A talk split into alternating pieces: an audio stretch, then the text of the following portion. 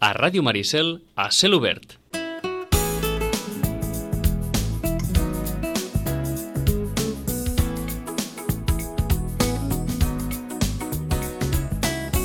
Com ha funcionat aquesta iniciativa? Diu La Vanguardia que els 35.000 exemplars digitalitzats de l'arxiu català en aquest curt període de temps suposen un considerable volum de treball assumit per la companyia tecnològica. En el mateix conveni, el conveni que varen signar eh, tant la Biblioteca de Catalunya amb Google a principis de l'any 2007, s'inclouen també les biblioteques de Montserrat, les de l'Ateneu barceloní, les del Seminari i les del Centre Excursionista de Catalunya.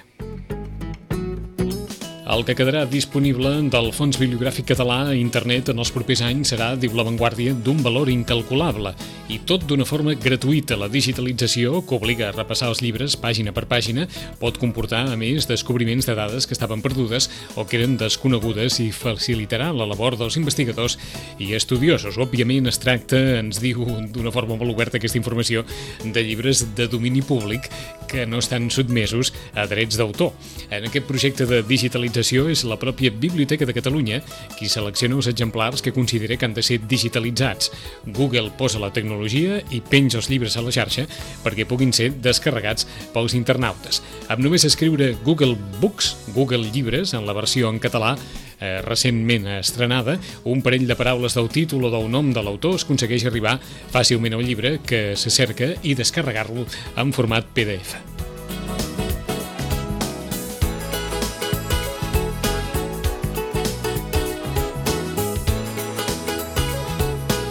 3 de les joies que ja es poden trobar en el web, l'Organització Política de Catalunya del 1700, de l'exemplar de Rafael Figueró de l'any 1701, que porta el llarguíssim títol de Pràctica, forma i estil de celebrar Corts Generals a Catalunya i matèries incidents en aquelles, dividida en tres parts, un tractat tant d'organització política com d'història de Catalunya, un estrany exemplar del món del dret, i també la novel·la de Víctor Balaguer, Don Joan de Serrallongues, crític pel prolífic autor català Víctor Balaguer sobre la vida del famós bandoler que es va convertir a Catalunya en una llegenda. El llibre digitalitzat és del 1868 i està basat en una peça teatral anterior del mateix autor i que va tenir un gran èxit. Bé, hem fet una prèvia molt llarga i en el fons la mare dels ous és que tot això està possible perquè els llibres no estan sotmesos a drets d'autor. Rosana Lluc, bon dia i bona hora. Hola, molt bon dia. Total, que arribarà un dia en què potser els drets d'autor arribaran a la digitalització o, o, o haurem de mirar-ho d'una altra forma perquè està clar que, que aquest camí que s'ha obert serà bastant normal que arribi al món editorial tal i com el tenim entès ara, no? Sí, el que passa que clar, hi ha un autor. Darrere uh -huh. de les obres d'aquest moment hi ha un autor i, i que vol viure d'aquesta obra que ha fet. Per tant, això encara, clar, cal que aquest autor signi, i ja saps que les editorials ara el que estan fent és amb els seus autors, autors vius estem parlant, eh? Sí. Autors que tenen la seva obra publicada, doncs eh, negociant els drets de digitalització. Mm -hmm. des, de, des de la més absoluta ignorància, quan es pot parlar d'un llibre ja de domini públic? Quan el diguéssim que ja ha passat més de 50 anys de, de la mort de, de l'autor uh -huh. i els seus hereus, els seus hereus hi renuncien. Eh? D'acord. Crec que més o menys va així. És a dir, si hi ha hereus i hereus que, per exemple, Oscar Wilde, a eh, les seves obres, doncs continuen tenint, saps, -huh. drets eh? perquè per això no el pot publicar qualsevol, perquè, perquè hi ha uns hereus que estan reivindicant de tota o sigui, manera. O sigui que d'alguna que... forma han de coincidir aquests dos condicionants, sí, per una banda... Que mm. a partir dels 50 anys de que la persona està morta, etc i si no hi ha res, doncs eh, es pot publicar. Mm -hmm. Si no hi ha res vol dir que no hi hagi hereus... Que no hi hagi alguna cosa, no saps, escrita, etc mm -hmm. etc. que aquests són els seus hereus i que se'n fan càrrec de les obres. Mm -hmm. I ells lluiten per això. Eh? Eh, per tant, d'alguna manera, no sé si dir que tindríem bona part de la literatura catalana mm, eh, fora del que es podria dir l'àmbit dels drets d'autor? Saps què passa? Diem-ne que els clàssics serien els que es poden consultar en aquest moment. Entesos. Eh, els clàssics, eh? Els que, no sé, doncs, un tirant-lo blanc, per exemple, mm -hmm. que doncs, el podrem consultar a la red. Eh? D'acord. Si és això el que, el que estem buscant. Mm -hmm.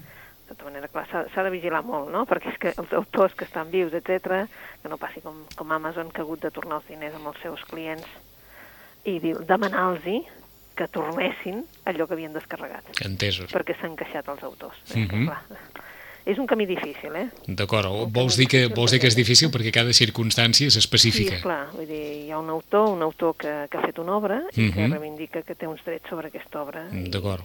Un autor mort, hi ha una família de l'autor, Eh, hi ha... sí, sí, sí, Suposo això- que també... És que, De... clar, la llei del llibre, clar, com que és, és, la, llei, mm, la, part, la, és la part dels editors, mm, massa bé no, però fins fa molt poc era així, ara ho hauríem de consultar, eh, perquè Mhm. no sé, que tot, tot canvia, vull dir, no sé si realment això ha canviat o no, però clar, um, si l'autor és viu, és ell qui, qui té els drets a l'obra. D'acord. I tu Si preguntàvem... no dona, si no dona Mhm. permís escrit, és evident que no es pot dir. D'acord. I t'ho preguntàvem bàsicament perquè aquest eh, és un món molt complicat on la tecnologia avança més que el marc legal Sí, i com ens comentaves tu, en un país els drets d'autors poden estar le- legislats d'una manera, en un altre país poden estar Sí, exacte. legislats d'una altra. Exacte, per això, per això s'ha d'anar al tanto i per això cada, saps, vull dir, per això cada companyia ha de signar en cada país i dir què és el que pot eh, accedir, què és el que no, malgrat que estigui a les biblioteques, però és que esclar, Mhm. les biblioteques, en definitiva, la Biblioteca de Catalunya és la nostra hemeroteca, per entendre'ns, no? És a dir, hi ha un exemplar absolutament de tot. D'acord. Per tant, sí que, que deuen haver signat de tot allò que es pot, que està lliure de drets. Mhm. I suposo que tan complicat com això seria posar sobre la taula el fet de si l'autor és el propietari absolut de la seva obra o un cop un editorial publica una obra, l'autor ja en té, diguem-ne, un poder relatiu sobre la difusió de la mateixa en, en diferents àmbits. Sí, però, però s'assigna amb un, un període de temps, eh? D'acord. I una sèrie de condicions, és a dir, que l'ha de mantenir viu en el seu catàleg, etc. Ui, ui, ui, ui, ui, ui. Sí, sí, no, no està... D'acord, o sigui que l'editorial no és de per vida la propietària de- d'una obra? No. D'acord. No, fixeu-vos que per això hi ha aquesta marxada d'autors amb una Mhm. d'una editorial a l'altra. L'altre dia llegíem que el Vilamates marxa d'una editorial mm? molt potent, molt, per nosaltres un, mm, una editorial independent d'aquí, l'Anagrama, Sí. i, i marxa cap a una altra editorial, també d'aquí, que és la Sex Barral, no? I, clar, eh, el que passa que de moment Anagrama té drets dels, de les obres fins que acabi el contracte. D'acord. I per tant, un la, i per tant eh? les pot explotar fins que... Fins que, sí, exacte, eh? fins que hi ha un contracte signat. Mhm. I llavors, clar, cada editorial doncs, signa doncs, això, no?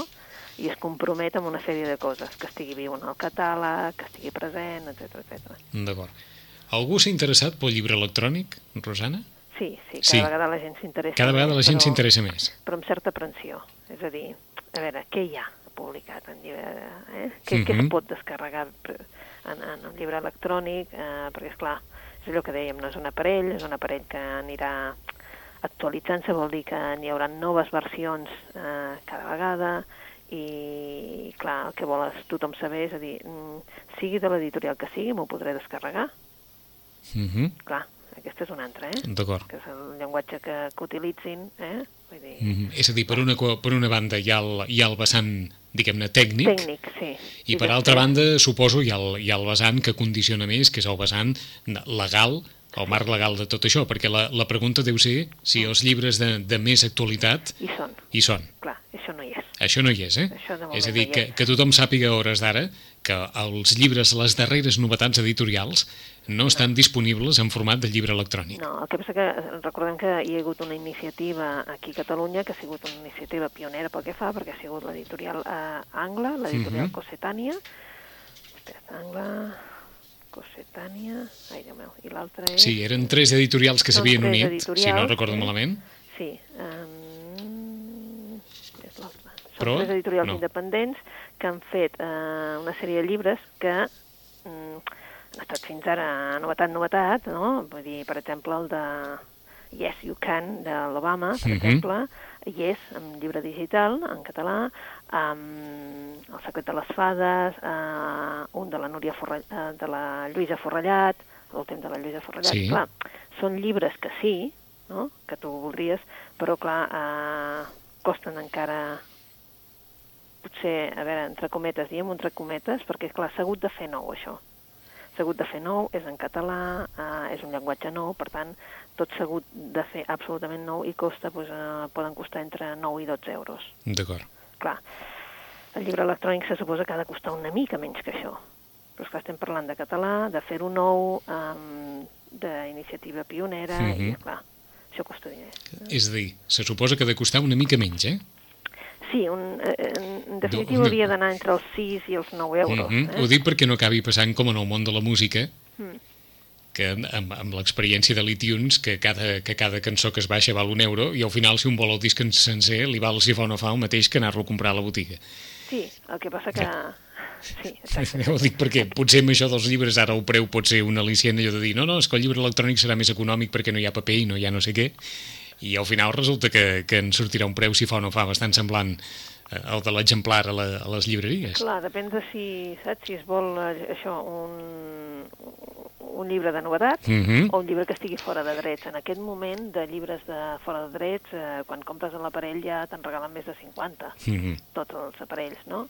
Però, esclar, mm, tu dius, bueno, sí, esclar, està molt bé, 50, però- Quins 50? Sí, sí, no em llegiré la Bíblia ara així per Exacte, començar, o, d'acord. o la Celestina, Mhm. o, o llibres així que potser no és el que tu estàs buscant. Tu el que vols emportar-te, doncs, és, jo què sé, doncs si te'n vas de viatge a una guia i si no vas de viatge i vols seure allò sota, sota Mhm. un pi, eh, vols emportar-te doncs, eh, una novetat que voldries llegir, però que això de moment mm, no, no, encara no ho tenim. O sigui, que quedi clar, eh? que la reina als palaus de, del corrent d'aire no. No. hi és, No hi és. que la noia que somiava en un llumí no hi és, i que els homes que no estimaven les dones no hi és. Tampoc, O tampoc. sigui, els tres llibres més venuts en català, que són del mateix autor, ja ho saben, mort, o sigui que tampoc pot viure de la, de la satisfacció de poder comprovar com la seva obra e- és tan reconeguda, tan estimada i tan valorada, mm, doncs no hi són en format de llibre electrònic. Exacte. I això suposo que, com sempre, pe- pels llibreters, el que crida més dels clients és tenir la novetat amb,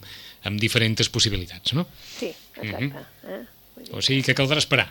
Cal, cal esperar, eh? Cal esperar perquè que és això, no? Vull dir, una mica primer que els editors decideixen, ja tots estan parlant aquests dies, se'n parlava molt, de que les tres grans, eh, diguem-ne, editorials potents, eh? Uh, Grup Planeta, Grup Random i segurament també Santillana, eh? Mhm. ja estan preparant mm, tot aquest tema, s'estan posant. D'acord. El que seria interessant és que es posessin d'acord si, si ha de ser amb IPAP, és a dir, amb un llenguatge concret, o no. Perquè si cadascú l'ha de publicar amb una cosa diferent, llavors ja tenim problemes. Perquè llavors a l'hora de descarregar-ho en el llibre en l'aparell del llibre electrònic no es Aleshores- podrà llegir. D'acord.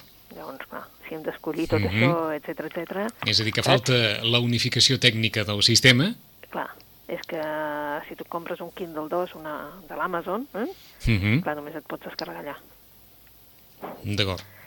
Vols una- dir que és un, és un sistema tancat? tancat, i llavors, clar, això és el que hem d'evitar, no? Pel, pel, pel que fa al, al, al lector, al consumidor final, s'ha d'evitar això.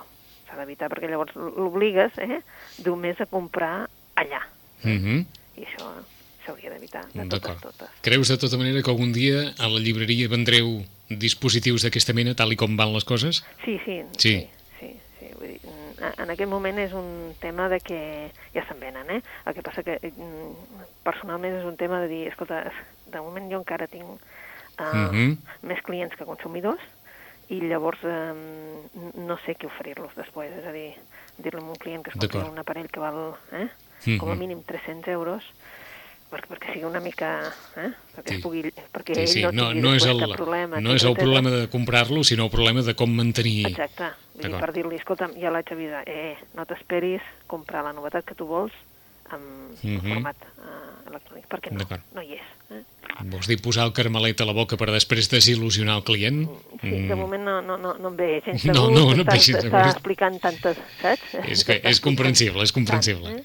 És comprensible. Com els comentàvem aquests tres primers llibres de ficció en català els més venuts, La reina al palau dels corrents d'aire, La noia que somiava un llumí i els homes que no estimaven les dones, de Stieg Larsson. El primer és el darrer en sortir, el segon és el segon en sortir i el tercer és el primer que va sortir. O sigui que en, en català aquests són els llibres més venuts. En castellà, enmig dels llibres de Stieg Larsson s'hi ha, ha ficat la darrera novel·la d'Ildefonso Falcones, que, que en el seu dia eh, ja va ser rebuda amb molta expectació, aquesta història ambientada en els anys de persecució dels moriscos espanyols, La mano de Fàtima, en el segon lloc dels llibres més venuts en castellà. S'esperava, per tant, de, de Falcones que, que anés així, més o menys, això? Sí, sí, sí. sí. sí. Uh, hi havia una mica de por, eh? La veritat és que al començament, clar, és que va passar en 10 dies, en 10 dies de diferència, en menys de 10 dies va sortir, la, la mana de Fàtima va sortir primer i just després, el dia 18, ja sortia, una cosa va ser el 9 i l'altra el 18, uh, la reina en el Palacio dels Corrents, dels Corrents d'Aire.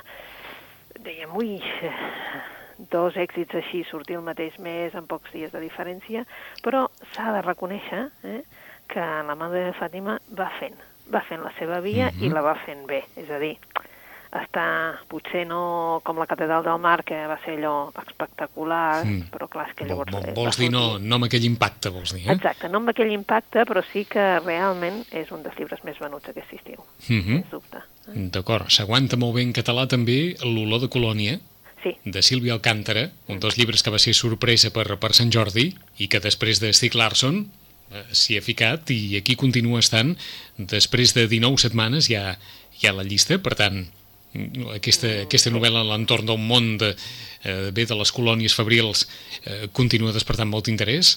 Sí, la veritat és que sí, és una novel·la d'autor català, d'autora en aquest cas, autora catalana, i a més a més el tema també ho és, és a dir, està centrada a Catalunya, um, és una, també una relació amb una colònia tèxtil, ens parla d'un món, no?, d'un món que, que hem perdut, no?, un món que, que fa quatre dies teníem, que hem perdut, i que, clar, mm, amb un català mm, també que ens recorda molt, i això fa que potser sigui una de les novel·les que aquest estiu també s'està notant que és una de les les autores, si més no, també recomanada per tothom. Mm -hmm.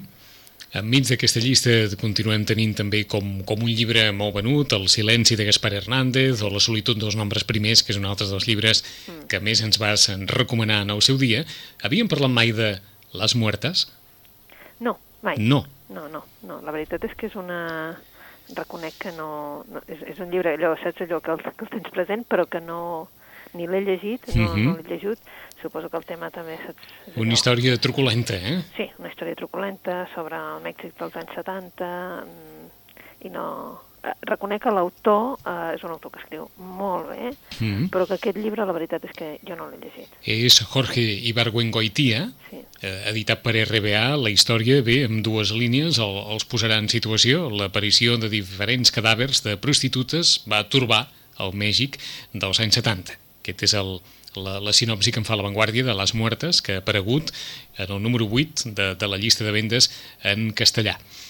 Eh, o sigui que ha entrat eh, així amb una, amb una revolada a la llista de vendes. I ens ha cridat molt, molt, molt, molt l'atenció en categoria d'assaig en català com un llibre titulat estrictament Introducció a la Ilíada està en el tercer lloc de les llistes de, de vendes, llibre de Jaume Pòrtoles de la col·lecció Bernat Metge, que és una introducció al clàssic d'Homer.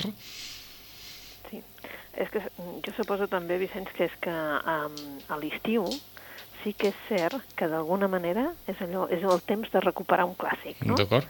Tenim temps per, eh, o se suposa, eh? Se mm -hmm. suposa que, que a l'estiu, si hi ha alguna cosa que tenim és més temps, o tots ens ho pensem, no? Ara que tenim vacances, ara que, no, ara que el dia s'allarga, ara que, no? Molts fan uh, horari allò ja no partit, sinó horari seguit, etc. se suposa que tenim una mica més temps i llavors sí que és veritat que els lectors optem sempre per, per dir anem a fer una incursió d'un clàssic ha sortit aquesta introducció, és una introducció fantàstica i jo crec que tothom també li ha fet, eh, tant la premsa com els programes així de, de llibres, etc. Mm -hmm. fet doncs, bastant ressò. D'acord. Que és una bona introducció. Mm, la Ilíada és un llibre fàcil i és un llibre difícil. És un llibre fàcil, diguéssim que tots els llibres es poden llegir, però el que passa és que per acabar-lo d'entendre, no, per treure-li, com aquell que diu, tot el suc, sí que és cert que bé, ens està molt bé una introducció mm -hmm. a la Ilíada. És que ens ha cridat molt l'atenció que aparegui. Sí, amb els llibres eh, més venuts. Així, en els llibres més venuts, eh? no el número 3 dels llibres més venuts, i Anatomia d'un instante, de Javier Cercas, sí. continua sent el llibre més venut. Però porta... sí que ja, ja ens ho pensàvem, no? Mm -hmm. Porta 13 ja... setmanes ja a la llista dels llibres més venuts en la categoria d'assaig eh, en castellà que no és estrictament un assaig, com, es deia, com ens deia la Rosana, a cavall entre l'assaig novel·lat sí. o, o la novel·la... Es com, no? Es llegeix uh mhm. -huh. ràpid, es llegeix, uh -huh. bueno, ràpid, en el sentit de que hi ha molta, molta informació, això sí que ho diem, hi ha molta informació, però sí que ens posa de seguida en situació i tu veus eh, no? com es van movent els, els partits polítics, què feia cadascú en aquell moment i quin va ser el paper de tots plegats. Eh? Uh -huh. I darrere, immediatament darrere, no sé si a la botiga n'has venut molts de llibres de Risto Mejide. Bueno, és, és allò, no? és que surt el Risto Mejide i jo no sé si se'n fa publicitat o no, no ho sé, perquè jo crítiques no n'he vist d'aquest mm -hmm. llibre, però sí que és cert que de seguida hi ha una sèrie de, de lectors que busquen el Risto Mejida. Eh? Aquest té la particularitat que fins i tot t'han d'avisar perquè és que el llibre, diguéssim que està al revés, és a dir, quan tu el vas agafar dius, home, no, és que s'hauria d'estar posat així, no? Mm -hmm. obrint-se cap a la dreta, i no, és que, saps? Està cap al revés, com si fos un, un manga, saps que els mangas... Ah, entesos. O sigui, sobre... sobre... Posat, aquí a l'estanteria mm -hmm. l'has de tenir posat al revés, perquè es llegeix així. Mm, bé, una altra particularitat d'això, no? d'aquest llibre de, del Risto Mejide, eh, sembla que es diu Pensamiento Negativo. Ah, això mateix, el Pensamiento Negativo, i està en el segon lloc, eh? Sí. De, dels llibres més venuts, per, per això t'ho preguntava, dins del que és l'àmbit més o menys mediàtic, en què hi ha Cracòvia, per exemple, o altres llibres que per, que per Sant Jordi varen tenir una, un especial èxit, doncs continua de, de Risto Mejide eh, doncs, ficat a, al capdamunt. Eh, està bastant tranquil l'estiu, però, des del Sí. punt de vista de novetats, sí. Sí, sí, la veritat és que sí, ara mm, novetats ja, ja fa dies que no, que no Mhm. en surten. Fins setembre, vaja, o finals d'agost. A finals d'agost ja comencen a sortir totes les novetats. És a dir, ara ja no esperen eh, al setembre, sinó que la darrera setmana comencen a sortir ja novetats. Uh -huh. I bé, serà també, ja tenim novetats de tardor, eh? Um, novetats d'autors, allò, saps, el, el, els estrelletes, no? Els estrelletes, una estrelleta d'aquest- d'aquesta tardor serà el, un Premi Nobel, Oran Pamuk, que escriu Mhm. una novel·la. Mm, Vaja. clar, mm, doncs ja és una estrella, no?, diguéssim, però n'hi haurà forces, eh?, forces, eh? Hi haurà, en català també hi ha la- la- l'editorial La Magrana torna a recuperar aquella embranzida que tenia i ha decidit doncs, apostar pels autors en català i bé, doncs eh, també traurà una sèrie de novetats.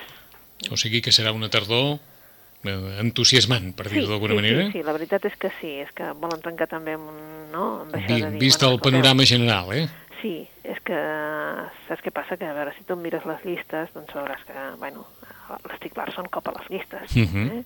i després d'ell, doncs, eh, el Falcones, no? I això no es mou.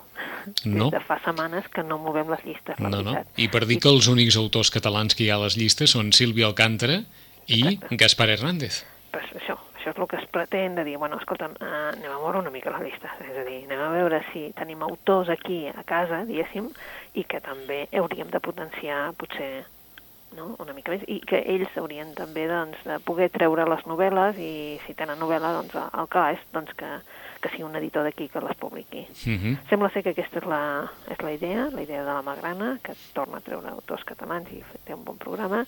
I bé, doncs per això et dic que, que... I em sembla que no esperen ni, ni al setembre, almenys alguns autors ja sortiran el dia 28 d'agost, és a dir... D'acord. D'acord, és que ho dèiem perquè sí que havíem tingut temporades en què la llista estava, no diré que monopolitzada, però gairebé per autors en català o per autors catalans, Exacte. i ara eh, em- estem plens de, de traduccions Sí. i, i d'autors catalans eh, ben pocs, no? Ben pocs, sí. La veritat és que ben pocs, però eh, és veritat que, que clar, com que ens fixem en... És lògic, no?, amb, les, vi- amb Mhm. els més venuts. Els més venuts és que és increïble. Pues clar, és- vol dir també, els més venuts vol dir que hi ha, una, que hi ha molta gent llegint-los, no? Sí. Però res més, no vol dir que no s'està... Sí, s'estan venent altres llibres, sí, és cert, s'estan venent altres llibres, però, és clar, amb, amb menys, no? I per tant no entren a les llistes de, Mhm. dels més venuts. I abans de passar a les recomanacions de la Rosana, piquem l'ullet també el que fou protagonista d'un dels llibres de Sant Jordi, el fill de Màrio Serra, Mm. Que està precisament també, doncs saben que, que va morir és, eh, aquest fa ben pocs dies i, i que en el seu dia doncs, fou el, el protagonista d'un dels llibres que, que per Sant Jordi més apel·laren doncs, això, el, el, els sentiments, la motivació individual, en definitiva, les grans coses de la vida, no? Sí, i a més a més és un llibre que el pots llegir eh, sense caure amb la llagrimeta, sense pensar en el llullo com un nen malalt, sinó que perquè la, la gràcia del llibre, jo sempre he dit que, que el Màrius, la gràcia que ha tingut en aquest llibre és que quan tu estàs a punt de caure amb, la, no? amb aquest sentiment de dir uf, pobre, no? Mm, pobre ells, o sigui, el pare, la mare, el nen, etc etc, com en quines situacions es troben, el Màrius té aquella gràcia de saps? Buscar des d'un joc de paraules que et fa eh, sortir i dir, bueno, eh, tot, tot el que sigui acut, tot, no?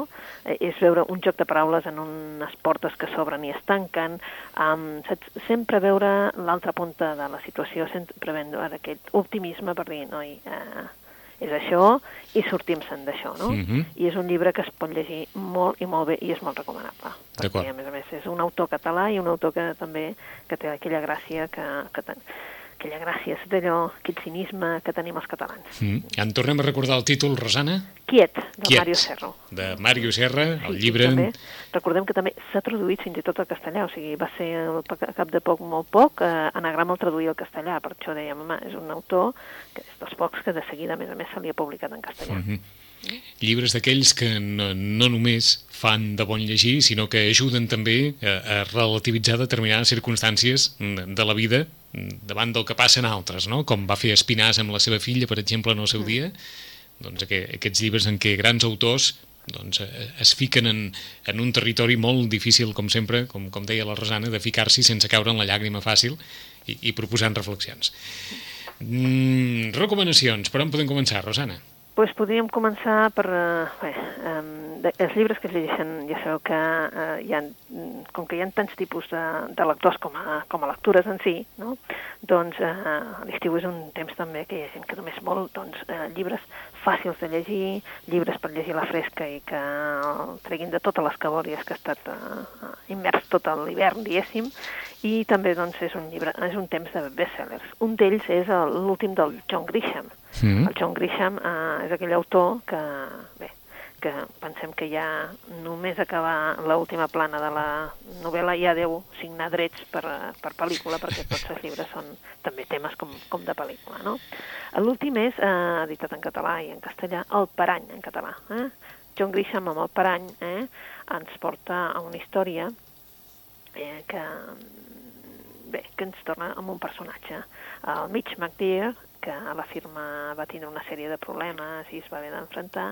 Ara eh, aquí hi ha un altre advocat, el Kyle McEvoy, que realment veurem què és enfrontar-se amb els problemes. El Kyle McEvoy eh, pràcticament, bueno, diguéssim que des de molt jove estava en el bufet del seu pare, ajudant i fent una mica de passant, no?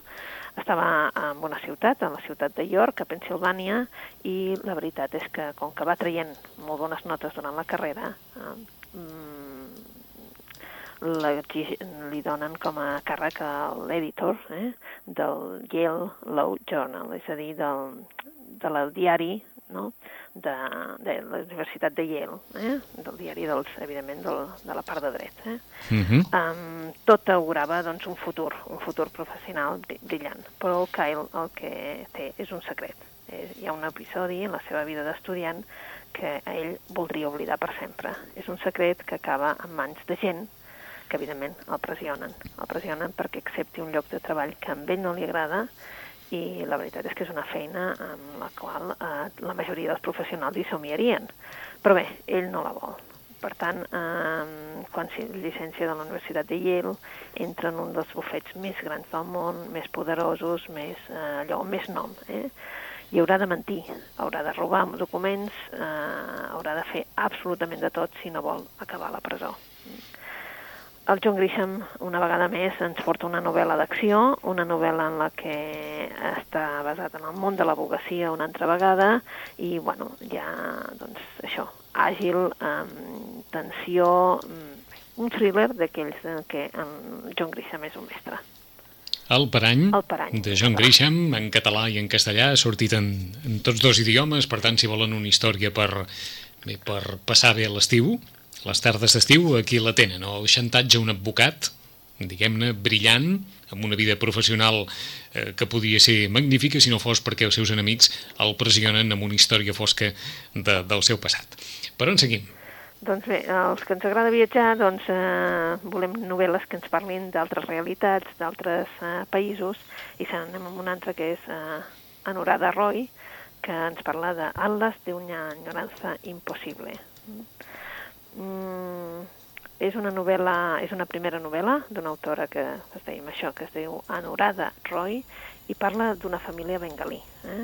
Estem a la, al segle XX, mitjans del segle XX, i és una història que, que ens parla doncs, això de la diversitat social, de la diversitat cultural, dels paisatges i de la gent de la Índia. Eh? Des d'allò, aquella Índia més colonial, més exuberant, de jardins, etc., fins a la misèria d'una gran ciutat. Eh? Situem-nos al 1907, hi ha un matrimoni format per uh, la Molai i el Canavala, i que s'instal·len amb els dos fills. Eh, s'instal·len en una casa, amb jardí, eh, en una ciutat, eh, una ciutat que és una ciutat que, doncs, que, que està quasi, quasi tocant a la jungla. Eh? Allà, a la Molaia, eh, fa una petita fàbrica de medicines i de perfums que fa a partir de les plantes que, que troba. No? Ell, evidentment, es dedica a una vida plàcida, rutinària, mm, i únicament doncs, eh, hi ha tensions entre, eh, entre el lloc on estan i la seva família. No? Molts anys més tard, eh, quan hi ha una neta, la neta, la Bacul, eh, eh, i el Macunda, un orfe sense religió ni casta, que està acollit a la casa des de, des de nen, doncs eh, això amenaça en convertir-se en algo més seriós, eh, quan, evidentment, l'envien cap a Calcuta, l'expulsen de l'únic lloc en el, en el que es coneix perquè el que no pot pretendre és tenir una relació amb algú d'una casta molt superior. Mm -hmm. eh? O sigui que, que és de això? De tota manera, doncs ja els fils de la història doncs, tornen a una altra vegada al lloc, a, mm -hmm. a Mukunda es converteix en empresari, en, torna per trobar-se amb el món perdut i compartir aquest eh, doncs, eh, eh, destí de la família. Eh? Que és un Romeu i Julieta, això. per aquells que uh -huh. no mhm. tenen res. Que és un Romeu i Julieta, això, Rosana? Uh, més o menys. Més, més o menys, però imaginem-nos uh, uh, molts anys més tard, no? Uh -huh. la Índia, un lloc on encara, eh, en el segle XX, castes, eh? Uh -huh i mm, possible doncs, que algú accedeixi, vaja, que ni tingui pensaments d'accedir doncs, a casar-se amb algú que se suposa que, que és superior i malgrat que ell pensi que no és de cap casta i que estigui acollit en una casa, doncs evidentment no li poden mm. donar, diguéssim, la neta, la flor de la casa. D'acord, esclar, no anàvem a preguntar pel final, però aquesta és la història d'un un amor que supera obstacles, no? Exacte, eh? Allò, eh? una enyorança impossible, eh? El uh -huh. títol és bonic, eh? Atlas d'una enyorança impossible. Molt poètic, està clar que sí, eh? Sí, de, um, és això, ens porten aquests mons, eh? Autora nova, com ens deia la Rosana, Anorada Roy, Atlas de una enyorança impossible, aquesta història d'amor entre, entre castes i, i tot aquest entorn situada a la Índia, a la Índia de l'any 1907. Per on seguim? Seguim. Em sembla que vam parlar del Camilleri, el que passa és que no ho recordo, de l'última novel·la del Salvo Montalbano, mhm. -huh. amb les ales de l'Esfinge, les ales de l'Esfinx. Uh, és una novel·la la, darrere, darrere de, del Camilleri i la veritat és que mm, és una de les altres novel·les també, que veus que no sé si apareix en les llistes, sí, però... en, en el número 10, tant en sí? català com en doncs, castellà. Uh, tant en català com en castellà és una de les novel·les també que, com que ja té uns lectors, doncs ho deixem aquí, vull dir, ja té uns mhm. lectors i uh, estan, sempre venen a preguntar per l'última del Camilleri, ningú no sap el nom, és igual, és l'última o la darrera del Camilleri. Això sí que és crear fidels, eh? eh? I aquesta sí, eh? I per si algú no ho sabia, doncs n'hi ha moltes altres de novel·les policiaques. Ara tenim un tema amb tots aquests nòrdics, eh? La gent ja diu, hi ha alguna cosa més en novel·la policiaca que no vingui del nord, eh? Mm. Perquè tenim els Larson, eh? la trilogia del Larson, tenim l'Asa Larson amb sí. Aurora Boreal, Uh, tenim el Lapidus també amb una trilogia, tenim aquell matrimoni que tothom diu que el Larson es va inspirar, que és a Mah Swallow i Per Balú, que també s'han editat en català, però uh, en castellà la, dèiem que RBA mm, havia publicat tota una sèrie. Doncs bé, el Lee Child, eh, que és un autor que n'ha publicat ja moltíssimes, eh, ens presenta una novel·la que es diu El camino difícil. Mm -hmm. Ens situa a Nova York, ens situa en una nit, una nit d'aquelles eh, mm, fosques, mm, tancades, eh, però hi ha un cotxe, un Mercedes, que crida l'atenció del Jack Richards. Eh? Ell és un caçador d'homes, és a dir, una persona en la que mm, tothom hi posa el, el, un nom i saben que arribarà a enganxar-lo. Eh? Mai se li ha escapat ningú, i, però en aquests moments eh, està com a perdut. Eh? Mm, hi ha un empresari que l'ha contractat perquè investigui el segrest de la seva dona i el seu fill. Però ell veu que de bon, de bon començament que mm, no res no li encaixa. Eh? L'Edward Lane està disposat a pagar eh? i el Richard comença a pensar que està amagant alguna cosa. Hi ha alguna més. Eh?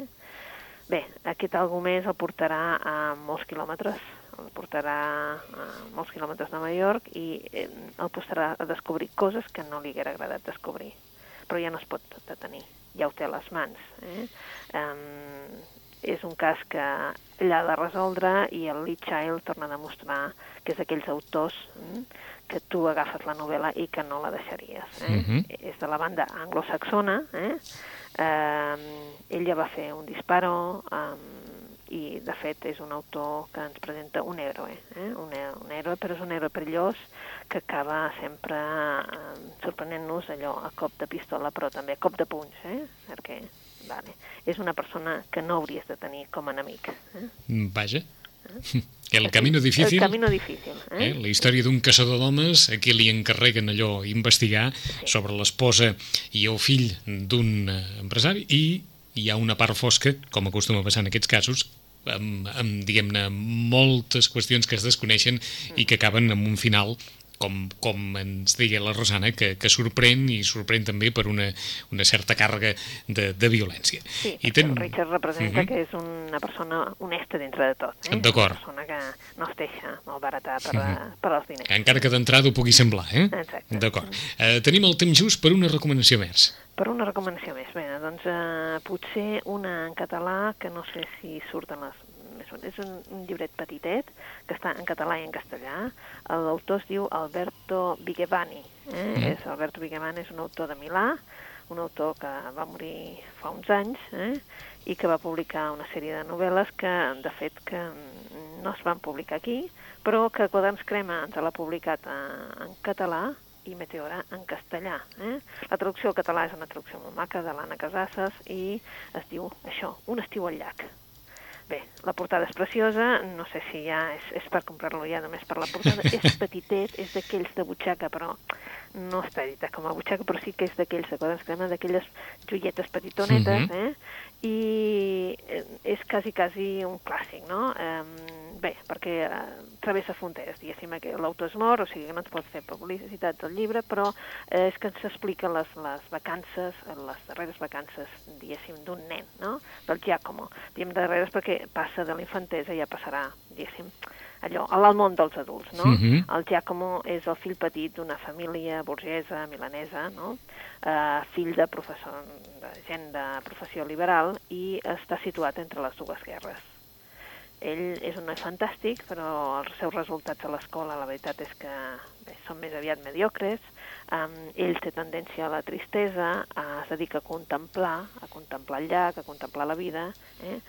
Uh, I la veritat és que ho veu tot amb bastanta indolència, eh? però també és un nen que es pot uh, doncs, alterar, doncs, excitar, diguéssim, en la contemplació d'un paisatge. És realment un nen diguem-ne, uh, inadaptat, inacabat, diguem-ne així. Eh? El relat del Virgue Babani eh, ens parla doncs d'això, d'aquesta experiència d'un noi que entra a la vida, que, que, que està entrant a la vida per la porta, diguéssim, no a la porta gran de la conquesta, de dir, doncs ja sóc aquí, sóc jove, etc, sinó que per aquella porteta d'aquella gent que entra per la part de la contemplació, de la poesia, etc etc. Mm -hmm.